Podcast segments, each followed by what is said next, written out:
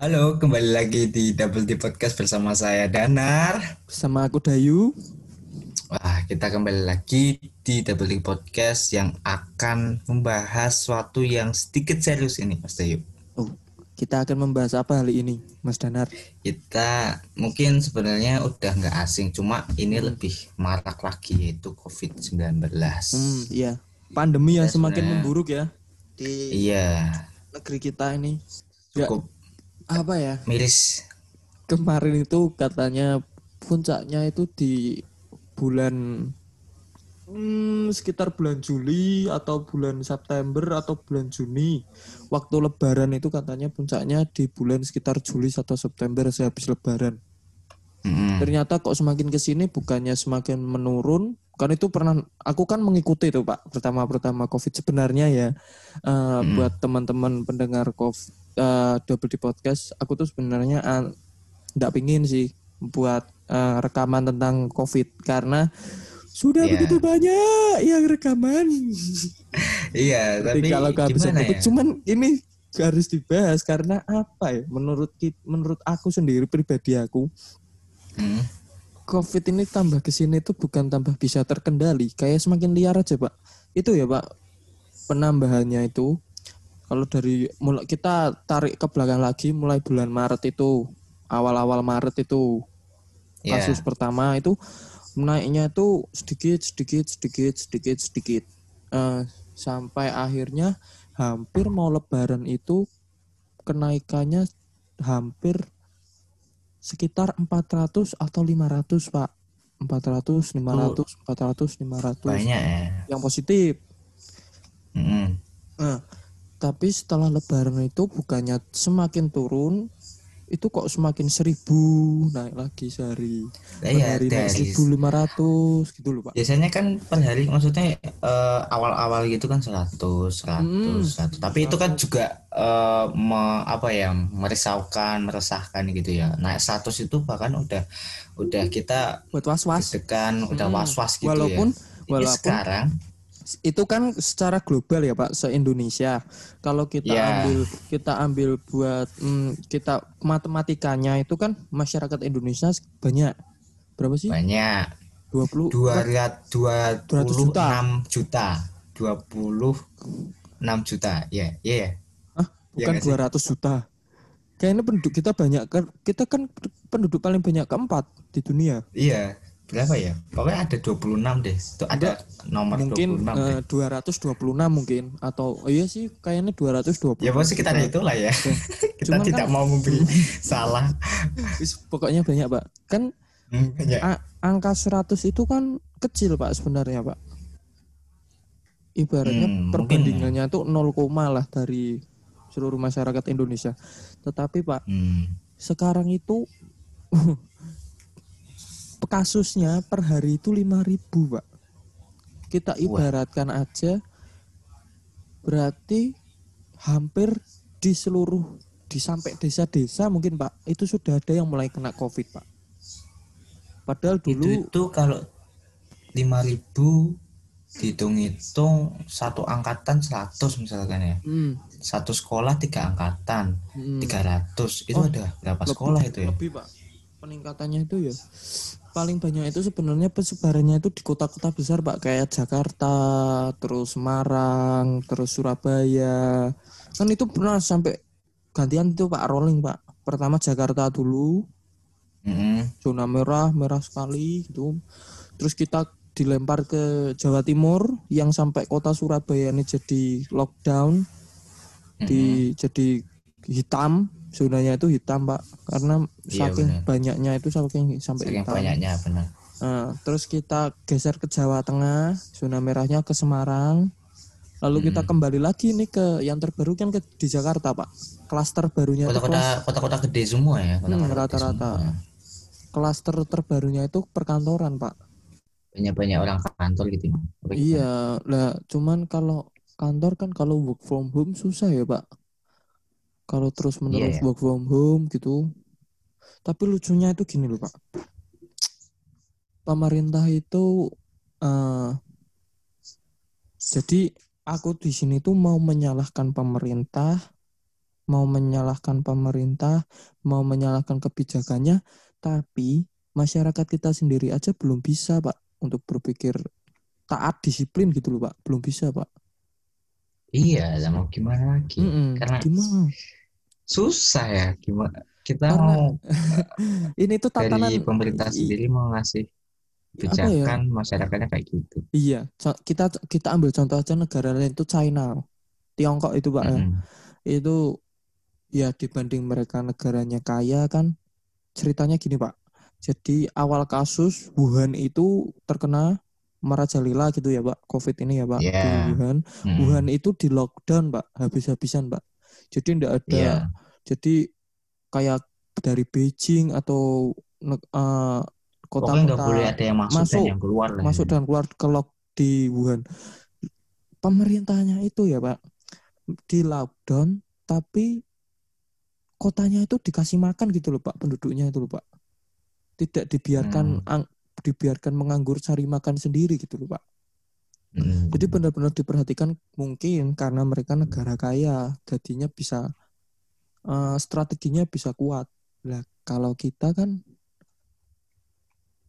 ya mohon maaf ya Pak, negara kita itu kan belum stabil keuangannya. Ya, Kalau kita gimana? kalau kita melockdown Jakarta aja kemarin kalau aku baca di berita karena aku sangat mengikuti sih Pak baca di Ya. berita itu per hari itu ya dibutuhkan sekitar 21 miliar untuk akomodasi orang sejakarta sehari loh itu Pak Wah, sehari gila. itu kalau di lockdown dua Gila. minggu itu apa ndak tambah parah Pak keuangan negara kita Itu uang 100 ribu kalau dijejer di Jakarta bisa keliling Indonesia itu ya. Uang. 21 miliar loh Pak luar biasa loh Nah, iya. Tapi terus saya mikir pak, akan Hmm. lebih akan lebih efektif kalau negara kita mengajukan utang terus dibuat kayak gitu, jadi biar tidak me- melebar gitu loh pak, perluasannya itu loh pak. Jadi bisa dikontrol Hmm. di satu area aja, disentralisir di Jakarta aja mungkin gitu. Tapi Eh, saya it- itu ta- mungkin juga ada pertimbangan dong di pemerintah. tapi yang saya ingat pak, eh, bandara internasional itu tidak hanya dari Indonesia pak, eh tidak hanya Hmm. ada di Jakarta, kedua di Bali, Hmm, Bali, oke. Bali itu bandara internasional. Belum lagi perbatasan-perbatasan negara kita yang kecil-kecil itu banyak pak, Hmm, banyak banget. Kita ndak awam itu ndak mungkin nyebutin satu-satu karena jalur masuk dari Malaysia, Singapura, Australia itu berbagai macam di tempat-tempat itu ada. Ya kan Mm-mm. negara kita itu kan luas ya. Jadi susah sekali buat ngontrol ini karena gini. Ternyata dulu waktu zaman flu Spanyol atau flu apa gitu tahun 1900 apa 1800 gitu, Pak. Banget. eh, 100 tahun ke belakang, Pak. Astaga. Yang orang oke, oke. kalau kalau Bapak pernah lihat gambarnya orang pakai masker tapi kayak paruh burung itu loh, Pak. Kalau Par- pernah. Oh, Hmm, itu masker ya? Flu ya itu. Itu flu Spanyol kalau nggak salah atau Oh, mungkin hitam ya. flu burung itu gara-gara Bukan, bukan. kayak burung itu. Oh, beda. flu burung kan baru, Pak. Lanjut, lanjut. Kayak flu kayak flu Spanyol atau flu hitam gitu, Pak. Itu ternyata Hmm. penyebarannya paling besar itu memuncak di Indonesia, Pak. Itu ada datanya, Oh, Pak. Indonesia ya? Di Indonesia padahal mulainya di Spanyol. Tapi negara terakhir yang terkena dampaknya itu Indonesia. Karena mungkin sebelum ya. ini pun sebelum Covid pun di Indonesia udah pernah Sudah pernah. mengalami kayak itu Ya ya. betul, tepat 100 tahun. Kayaknya kalau tidak salah 1908, 08, 1908. Pokoknya 100 tahun sebelum kita lah. Apa Wah. 1920 gitu aku lupa. Ini apa apa reinkarnasi apa apa ya virusnya ini? Kalau itu kita Dari bicara yang- konspirasi, Pak. Gak ada Tapi habisnya. ini aku penasarannya tuh malah ini, Mas Tayu. Jadi eh, virusnya apa, maskernya kok bentuknya burung gitu. Emang apa yang spesial dari masker burung ini? Gitu. Oh, kalau Aku itu penasaran di situ sih malah. kalau Itu kan secara- malah Hmm. memberatkan kepala nggak sih? Ke depan kan paruh kan, kan paruh ke depan kayak kalau nggak kepikiran mungkin aja kalau kenapa kalau bikinnya kenapa gitu. bikin paru ya, Pak? Lah iya, penasaran nggak? Penasaran pasti. Eh ya, Kenapa nggak masker apa ya? Hmm, muka kucing Mungkin gitu, Pak. logikanya nggak sampai ke situ ya mungkin ya dulu ya orang-orang ya. Eh, mungkin Mungkin. keterbatasan Kalau misalkan pikiran juga. Keterbatasan pikiran, Loh mungkin orang-orang Siapa tahu berpikir, WHO-nya zaman kalau, dulu, WHO-nya zaman dulu itu ah, apa ya Mas? oh iya, gitu. enggak enggak Mas Dayu, bukan bukan Mas Apa? Dayu. Itu paruh itu menandakan uh, social distancing, physical distancing. Jadi nggak boleh berdekatan kalau sampai menyentuh paruh satu sama lain itu, ya enggak? Ya enggak? Enggak, enggak banget Pak Lu. Iya loh, Enggak, enggak iya banget. dong. Bapak mau ngelawak ya? Enggak banget Eh, beneran. it- Enggak banget. Ini ini bisa dilogika Mas Dayu, benar nggak? Jadi masker itu dibikin kayak paruh seperti itu biar ada jarak gitu. Misalkan 50 cm misalkan 50 cm kan. Terus yang satunya juga 50 cm jadi bisa satu meter gitu. Ya nggak? Mungkin bisa ya, lah. mungkin ya. Bisa. Mungkin At- apa sekarang kita Mungkin. pakai itu aja, masker burung aja. Kita pakai lagi. Ya ya ya ya. ya. Tapi kan kasihan, Boleh boleh boleh. Kasihan loh. Orang-orangnya. Kasihan ya, dikira kriminal mungkin ya itu. Mm-mm. Janganlah. Kok ah kalau kita bahas malam ini tuh aku sih mau konsernya itu ya, Pak. Ah, Hmm. ke mari kita mengkritik pemerintah. Mungkin Bapak bisa membela pemerintah atau sebagainya, tapi saya ingin mengkritik pemerintah. Pemerintah Oke. itu selalu menggembor-gemborkan, mengedukasi tentang COVID. Tapi Mm-mm. nyatanya ada berita baru ini, hot news. Mungkin kalau ini nanti sudah ri- rilis sudah ada hot news sih. Wakil anggota DPRD Kota Tegal melakukan Wah. dangdutan untuk menyambut pilkada. Itu ya. Waduh. Aku baca beritanya tuh ya ampun ini itu orang itu kan anggota DPRD, wakil anggota Wakil. DPRD. Wah, Wakil loh, Pak. udah wakil DPRD. Apa di grup lainnya itu nggak ada gitu loh, Pak?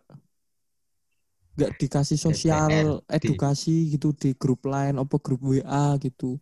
Jangan membuat Itu DPRD ya itu bukan ini Mas Dayu, bukan Dewan Perwakilan Rakyat Daerah, tapi Dewan Perwakilan Rakyat Dangdut gitu. Iya iya. Aduh aduh ya ampun.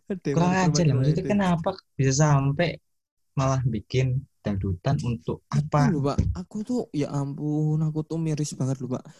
Di saat orang lain disuruh social distancing dan segala macamnya, dia malah melakukan dangdutan.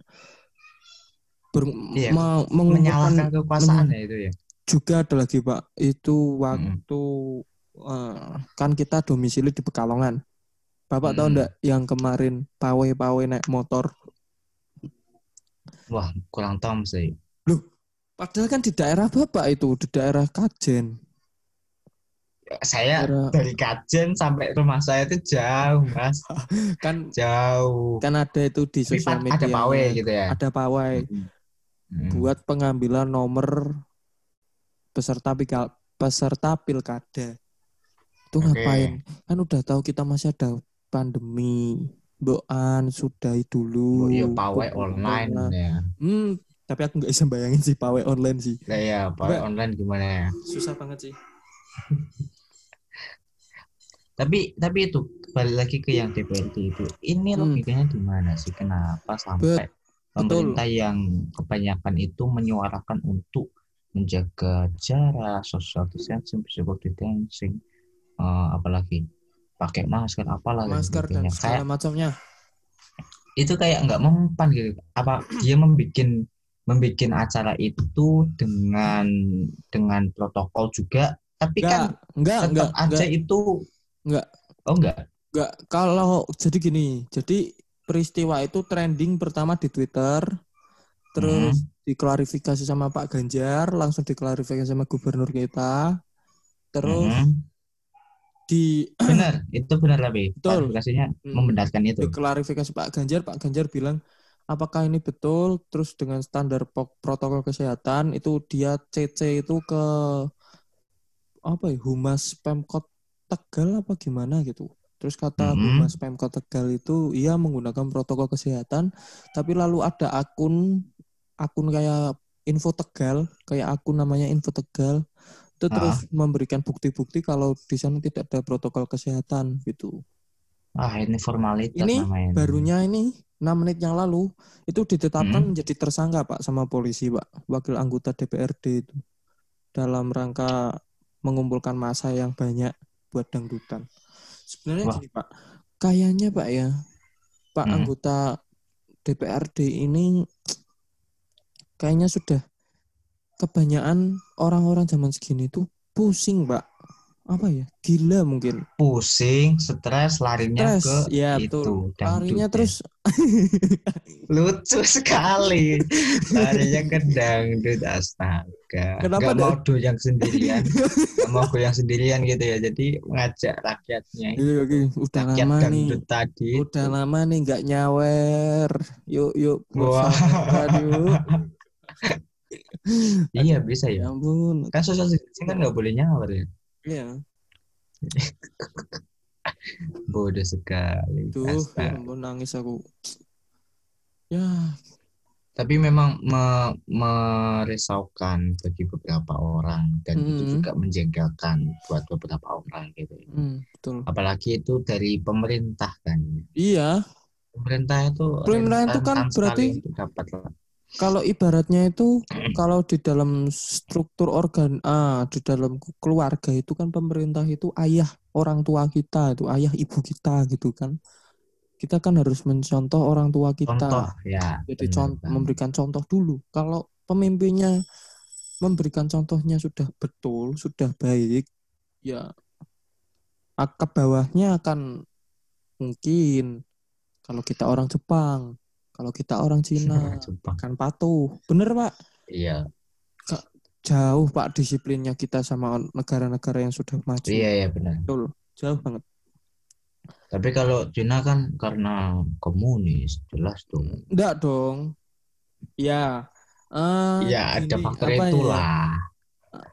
Ah, mereka itu dididik untuk mencintai negaranya, Pak. Hmm, oke Nggak. oke. Hmm, Lewat komunis. Enggak juga. ah. Sekarang dia lebih condong ke lebih condong ke apa ya? Apa Pak kalau lebih condong ke liberal sih sekarang sih? Dia lebih condong ke Liberal. liberal. Cuman semi semi komunis tetap. Jadi Hmm. pengelolanya tetap di pemerintah. Kalau kita kan enggak. Kalau kita pasarnya pemerintah dan swasta. Yang mengelola bisnis, ekonomi. Kalau di sana benar-benar semuanya yang kelola pemerintah. Nah, swasta ikuti aja. Pemerintah mau apa, swasta ikuti. Tapi ya, in- mm, kenapa negara kita tuh nggak bisa masyarakatnya loh, terutama eh, kalau aku selama ini merasa aku Bapak cinta enggak sih sama negerinya sendiri? Ya cinta dong. Bangga Bahkan saya masih punya keinginan untuk keliling Indonesia itu Bangga. kenapa bangga Bangga kan dengan jadi mempresentasikan saya anak Indonesia, Bang. Ini mi- mirisnya ya Pak, waktu 17 Agustus kemarin Pak. Saya itu lihat ada bendera jatuh Pak di jalan Pak. Wah, Bendera. wah sumpah. Pak. Bener. Saya saya saya lagi beli minum terus ada bendera jatuh. Saya diemin aja Pak gitu Pak. Itu Hmm. orang naik motor, orang jalan nggak ada yang peduli Pak. Saya itu sampai aduh gitu. Pengennya Itu itu- bendera bendera itu apa ya? Itu kan sakral kan. Maksudnya Sakral. ini ini Nggak. ini ini saya saya Mm-mm. mengimani maksudnya bendera itu bendera jangan itu sampai jangan sampai ke tanah. tanah. gitu. Ya ampun, maksudnya Iya. kan walaupun sekarang sudah merdeka, terus dibuatnya dengan kain murah, tapi bagaimana tidak melihat perjuangan bangsa kita dulu loh untuk merep, Iya. untuk mengibarkan bendera merah kan putih. harus Nah, maksudnya sampai sekarang tuh banyak manusia-manusia Indonesia itu yang kurang dalam dalam mencintai negerinya sendiri dari hal sepele aja gitu. rasa nasionalisme Betul. gitu. Ya ampun aku tuh sampai sampai segitunya gitu. Maksudnya apa sih susahnya cinta sama negeri sendiri itu apa susahnya gitu loh Pak. Iya ya. Kayak semua itu karena Integritas kayak memperdulikan diri Mm-mm. sendiri. Iya, kayak cuek banget Pak. Apa ya namanya? Namanya itu kalau cuek itu cuek kan lagu Rizky Hmm. Febian. apa ya?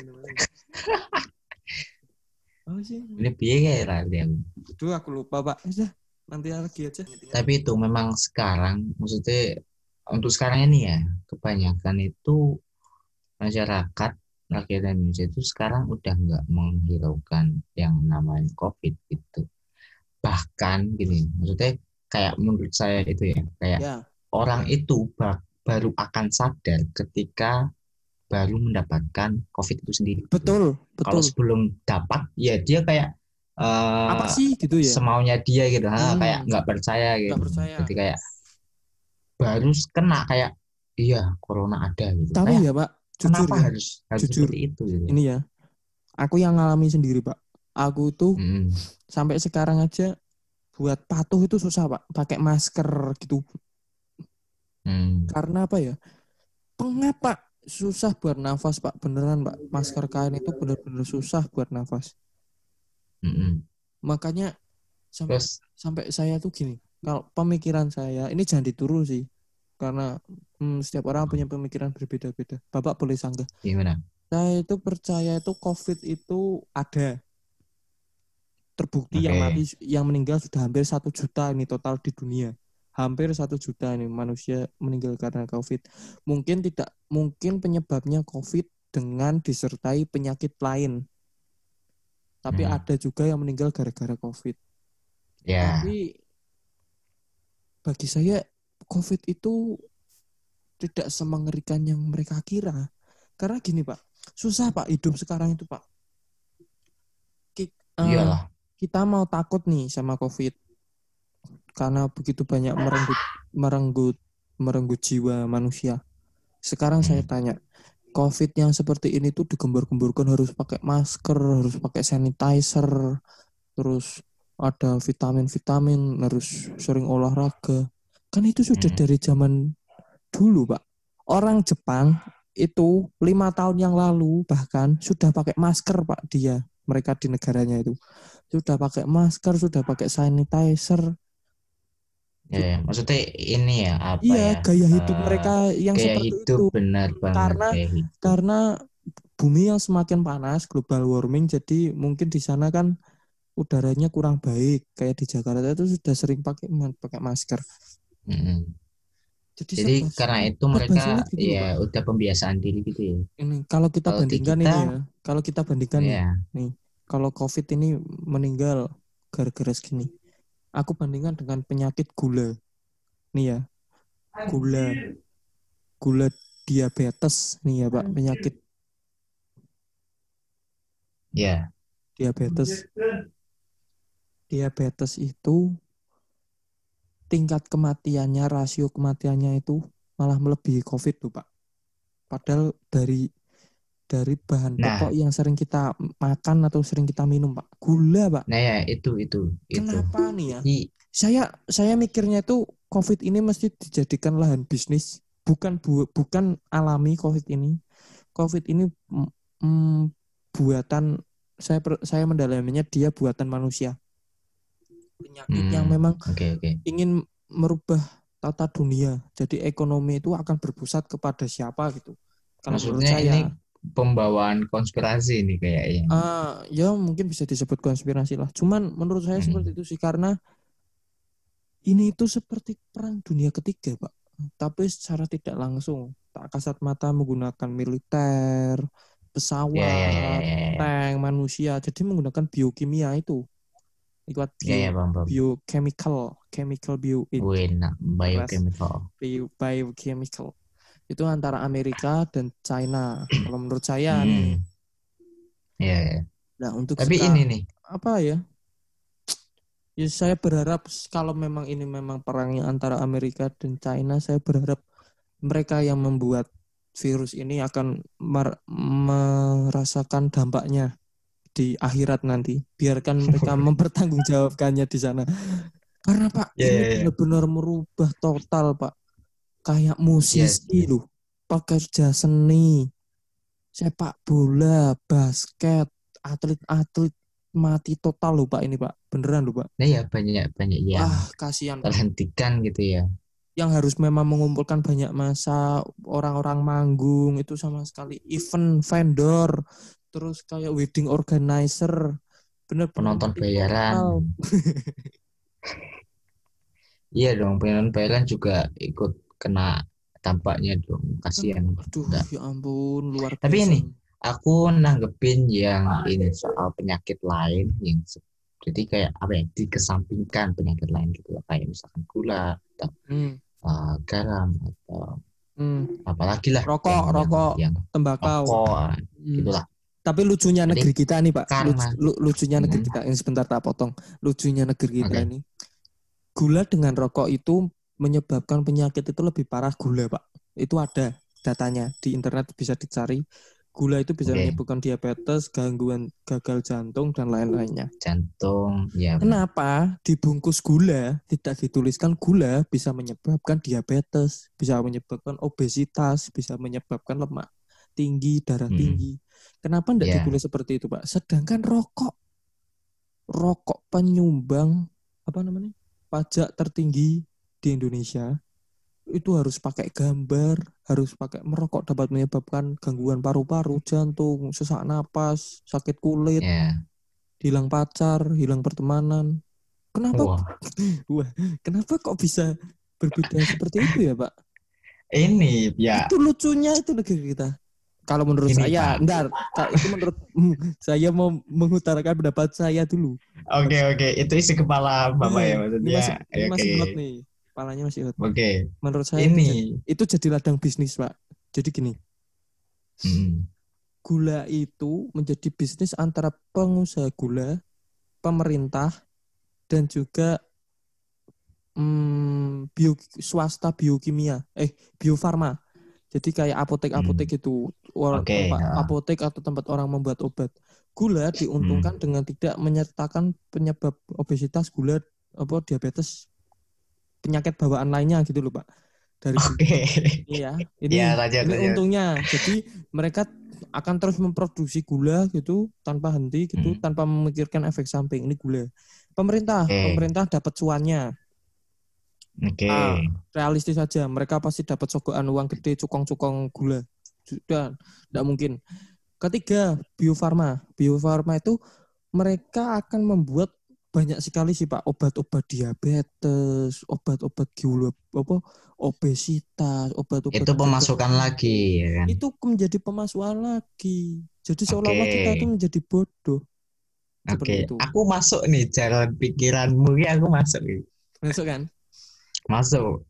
Tapi ini, tapi ada tapinya ini loh maksudnya. Hmm, gimana? Jadi harus digaris bawah ya.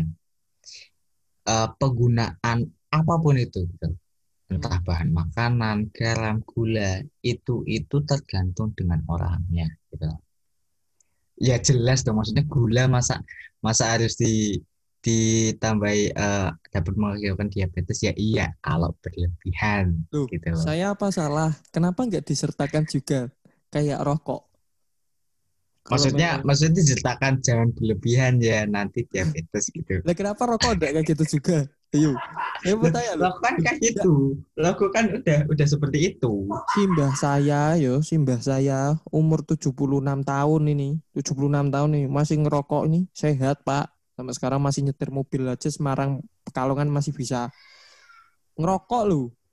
Kenceng Nah, lu ngerokoknya lu. itu itu lah ya tergantung orangnya kan tergantung kebutuhan orangnya kalau misalkan tubuhnya dia kuat gitu kan ya itu ya dampak dari si penggunaan rokok itu ya bisa berbeda-beda kayak orang yang lemah mungkin jantung atau asma gitu kan Eh, ngerokok ya ya pembodohan ke mana dong kalau udah asma ngerokok ya harus tahu diri lah tahu batasan, tahu batasan, tahu di mana harus memilih gitu ya. Kalau itu Nggak- aku nggak setuju. asal-asalan Kalau aku gitu. itu aku setuju. Kalau dia Iya. memang punya asma, dia nggak mungkin merokok. Kalau dia mau rokok, dia yang bodoh. Kalau itu aku iya setuju. dong. Hmm. Itu itu bunuh diri pelan-pelan itu. namanya. Kalau kan concern saya di situ, Pak. Kenapa gula sama rokok sendiri tidak Hmm. disamaratakan gitu? karena gula kan eh, banyak aspeknya gitu bisa dibuat bahan makanan, bahan minuman, entah itu dibuat untuk Berarti betul kan? manisan. Betul kan? Kalau ini Cemilan. menjadi menjadi konspirasi sebuah bisnis kan? Bisa, bisa Bisa, jadi. kan? Lah ya, aku aku bahkan aku ada bilang, aku masuk ini pemikiranmu itu, aku aku masuk jalan pikiranmu itu aku Hmm. masuk gitu. Hmm. Tapi ya itu ada beberapa yang harus diluruskan gitu. Dan itu juga yang terjadi di COVID. Penyakit ini itu juga penyakit itu. Tapi hubungannya tidak dengan pemerintah kita, tapi dengan pemerintah global dunia. Hmm, boleh, boleh, boleh, boleh. Saya orang yang paling setuju Indonesia membuat vaksin untuk corona secepat mungkin. Saya setuju, Pak. Karena apa? Ya setuju dong. Kita nggak Masa nggak ada yang setuju? ada yang nggak setuju loh, Pak. Saya Banyak, tidak setuju. banyak, banyak. Masa Ada. Loh, Bapak kalau searching berita itu, banyak orang-orang Hmm. yang anti dengan pemerintah kita tuh selalu menjelek-jelekan. Itu vaksin nggak jelas dari China atau apa, halal atau enggak. Oh, Hei. terus ah ya. Hei, oke, bangsat. oke, oke. Hei, kita ini masih krisis. Ya. Kal- Kalau kita boleh anti pemerintah di luar pemerintah sebagai check and balance katanya. Kalau bahasa pemilunya itu check and balance katanya. Siap. Seimbang gitu. Oke, oke, oke. cuman nggak saat ini gitu loh. Mari kita bersama-sama Iya. dukung pemerintah kita buat segera menyelesaikan. Sekarang kalau masyarakatnya nggak barengan bergandengan tangan dengan pemerintah ya, terus kita mau gimana menyelesaikan krisis? Iya, masalah ini tuh nggak bakalan selesai masalahnya kalau Baik. misalkan nggak ada keterbukaan dari masyarakat itu sendiri gitu. Eh, Ya saya, kali masuk saya saya mau bilang hilang sendiri. saya mau bilang ini pak, ini di dunia intelijen ini Hmm. intelijen kita itu membuat sebuah rancangan karena intelijen itu kan tugasnya untuk kita eh, memikirkan dua sampai tiga langkah ke depannya jika memang akan terjadi gitu loh pak. Jadi kan Intel itu tugasnya itu membuat apa ya kayak proposal tapi isinya itu tentang membahas prediksi lah, nah, memprediksi Hmm, oke, masa oke. depan gitu. Jadi Hmm. mereka membuat sebuah tiga tahapan yaitu mer- eh, merah merah satu Indonesia merah dua dan Indonesia merah tiga Maksudnya apa nih? nah di tahap ini kita sudah terjadi di Indonesia merah dua merah satu itu COVID akan masuk di Indonesia akan terjadi kekacauan tapi tidak meluas maksudnya kepanikan sementara gitu Pak kepanikan awal Oke. gitu nah itu kan sudah kita alami awal-awal masuk COVID kita panik masker habis sanitizer habis gitu loh Pak Ya, ya, Ya ya. kan betul kan? Berarti yang Hmm. dibuat oleh intelijen ini betul. Merah dua itu COVID akan masuk di daerah-daerah terpencil di Indonesia. Kita tidak sebut terpencil, kita sebut dalam apa dalam lah gitu daerah-daerah. Hmm. Jadi kayak desa-desa, kelurahan, antar-antar desa gitu. Bahkan sampai Ya, di ya. luar pulau paling terdepan kita aja sudah terkena COVID gitu Hmm.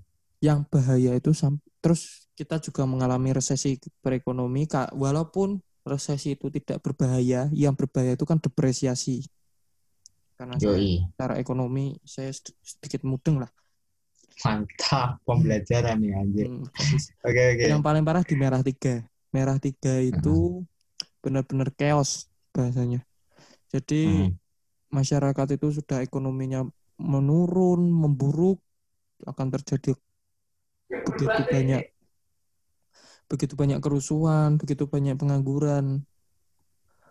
Yang punya uang akan bertahan, Pak. Saya Ya, ulangi, yang jelas. punya uang akan bertahan, jadi dia akan tetap di dalam rumah. Yang Hmm. maaf miskin atau nggak punya uang, sekali kena gesekan sekali aja, sekali kena gesekan itu akan terjadi kerusuhan, Pak. Karena apa? Karena yaitu saya tidak tahu pemikiran intelijen ya. Intelijen kan pemikirannya lebih lebih luas ya. saya mengira Iya, iya, iya. saya mendengar kabarnya seperti itu aja. Merah satu. Pokoknya itu itu apa ya? me- meresahkan, membahayakan. gitu. Nah, sebelum buat kita masuk ke gitu. merah tiga yang sampai chaos, kan lebih baik kita Hmm. bersama-sama pemerintah gitu loh pak. Iya benar. Tapi Hmm. pemerintahnya yang jangan DPRD Tegal tadi. Nah itu Makanya, pak yang mau saya tekankan kok kayak gitu gitu loh setengah nggak Nah, niat iya. gitu loh pak. Apa ya kenapa maksudnya apa dia sudah nyerah atau Apa gitu? urgensinya membuat dangdutan pada saat sekarang itu urgensinya apa gitu loh? Kan nggak urgent pak. enggak lah ngapain dangdutan aja Saya berpikir, saya, saya berpikir positif ya. Mungkin oke budaya kita pilkada, budaya pil- pemilihan kita, nggak menutup kemungkinan budaya pemilihan kita memang seperti itu, Pak. Jadi setiap Hmm. paslon akan mengadakan mungkin rame-ramean, akan pawai, konvoy, terus pokoknya itu untuk rame-rame. kampanye mereka ya, Ya, untuk kampanye itu mereka kan dulu nggak ada reses, Iya. nggak ada covid. Lah kan kita masih pandemi, apa yang nggak maksudnya ditahan dulu. Iya, jalan sabar. pikirnya itu harusnya tahu ya. Kenapa sih? Banyak.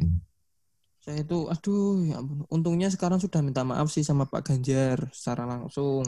Minta maaf tidak cukup, Bos. Minta Iya, Bos. tidak cukup. Karena itu sudah ibaratnya Sudah terjadi. Iya.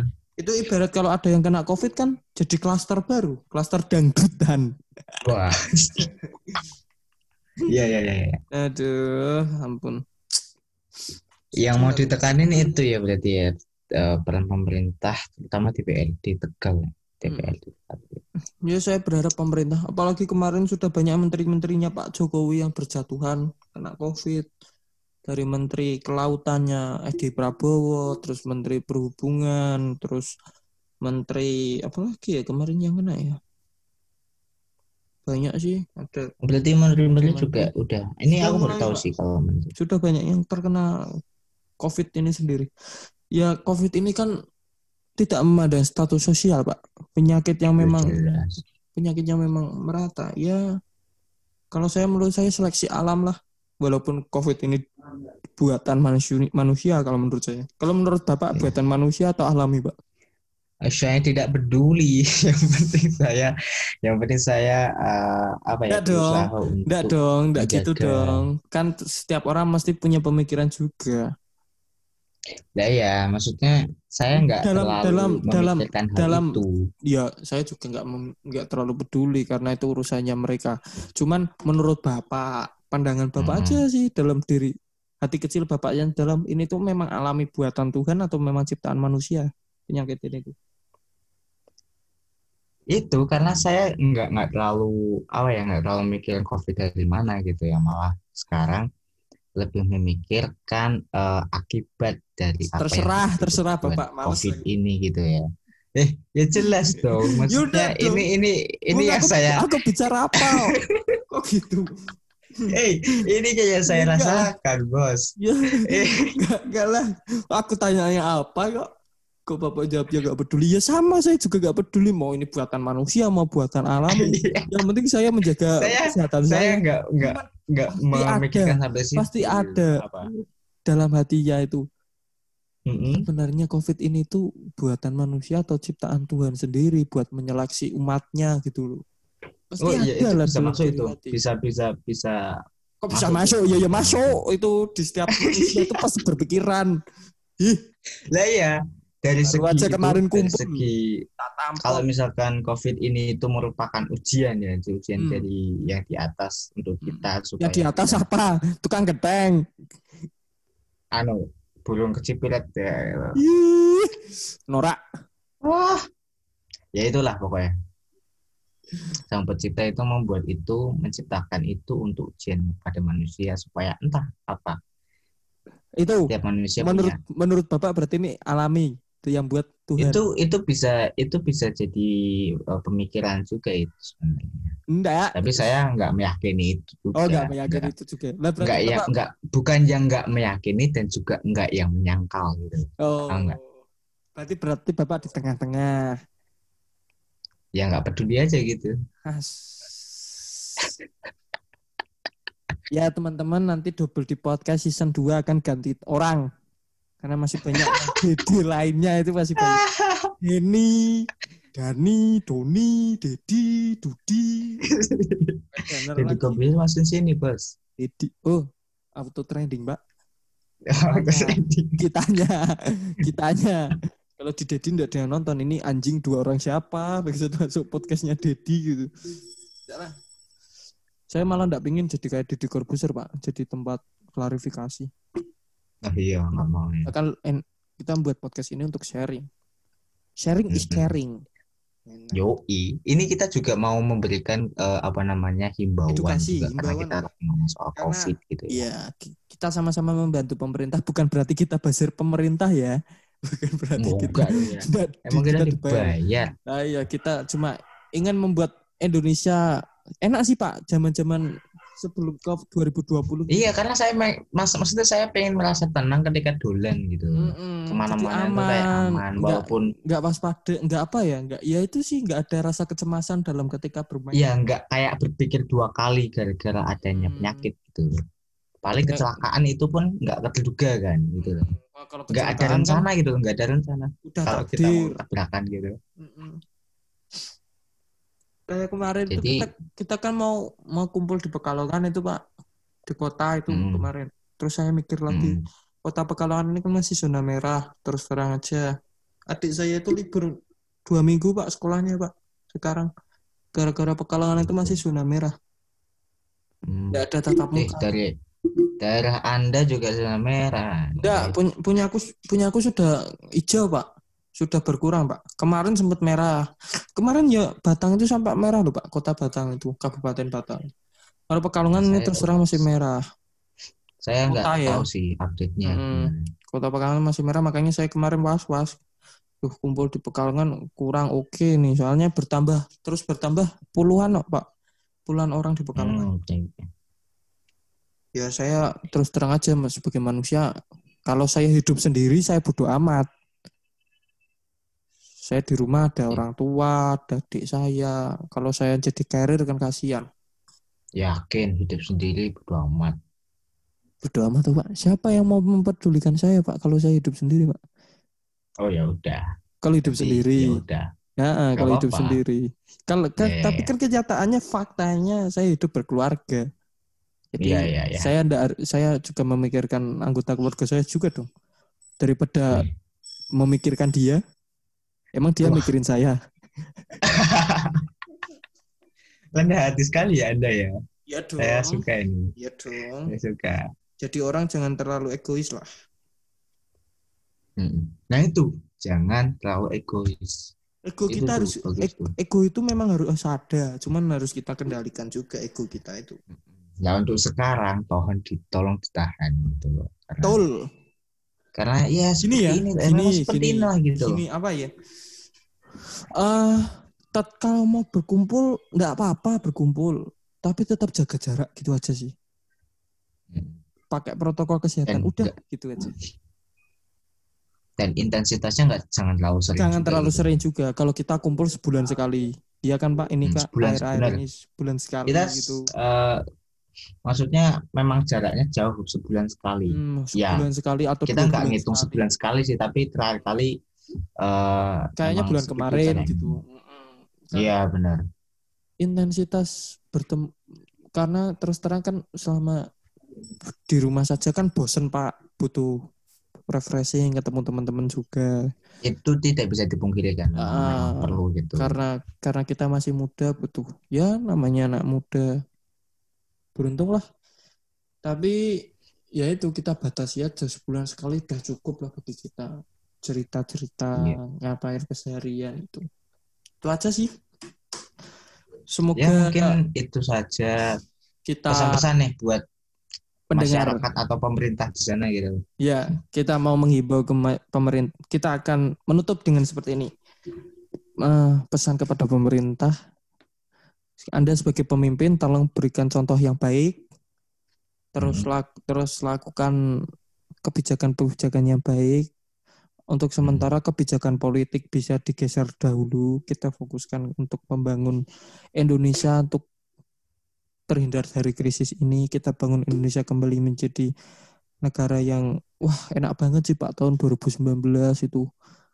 Iya kita benar. bisa pergian ke mana saja gitu perekonomian yang semakin meningkat devisa semakin meningkat untuk masyarakat tolonglah mari kita bantu pemerintah kita dah itu aja cukup sama Pak Iya benar.